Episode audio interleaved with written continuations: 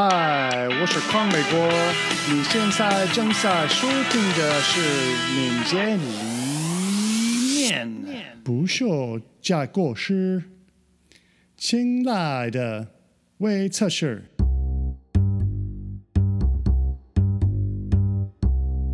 Vanilla Pop 个人在运用 TDD 有一些新的突破，他已经开始在代码里实施了。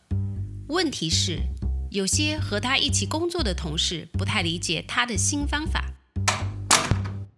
我请你来我办公室讨论你的项目。哦，是的，有什么没弄好的地方吗？我正在审阅你提交的代码，觉得有几处问题。你有变动这些代码的项目编号吗？是的，当然有，我写在提交代码的注释里了。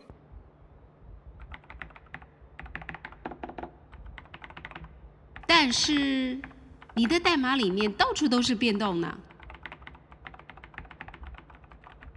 呃，你看看，我们有好几个新文件：聚集测试、记录测试和比率测试。你增加了自动测试功能，很漂亮，我很喜欢。但是项目五五四三九的功能只针对比率文件。你有看过这段代码注释吗？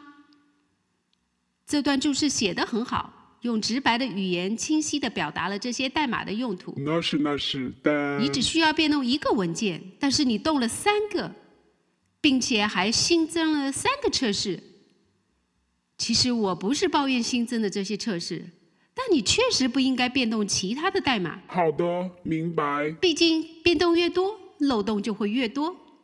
我的意思是，只动记录这个文件。在比率执行的时候会调动记录，记录会打开网络连接，这样会将我的微测试减缓大约一万倍。当真如此？确实这样，通常记录会与一个服务通讯，所以它会等待网络超时，这样测试会花费超过一分钟，而不是一毫秒。所以我才重写了记录，以便它可以利用缓存的内容。我使用 TDD 方法来重写了代码，所以会多出一个记录测试文件。是这样的呢。开始你都没告诉我，那另外的这个类呢？它也需要重写。重写？没错，这样才能改变代码的设计，又不影响它的行动。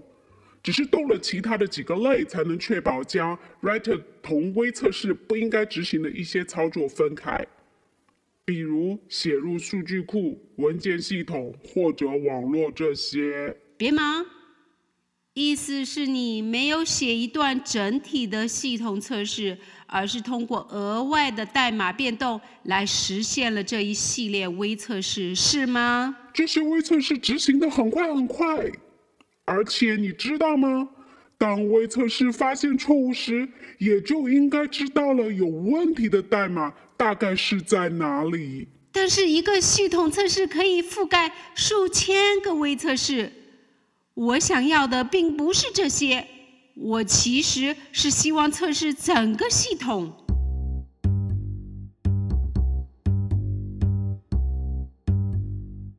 偏见是影响采用 TDD 的一个很重要的因素。架构师习惯了全面宏观的思维，过于偏好全面的系统测试。VPUB 不应该放弃，但是他需要意识到，改变架构师的这一偏见需要时间和实际经历、体验的过程。才开始的话，方法之一就是把敏捷思维第一到第八集的连接发给他，也就是我们的测试金字塔系列。这种类型的全局思维，也正是架构师的全局性偏见。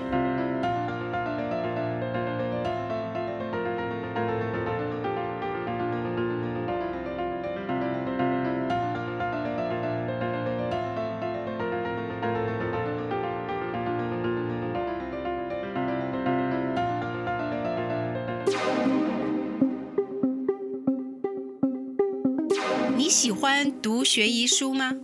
一本关于敏捷思维的悬疑书，《黑色敏捷》是非常有意思的。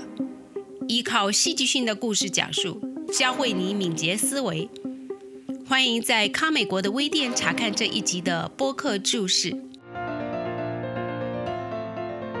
下一集 Vanilla Pop 与产品所有者谈论 TDD。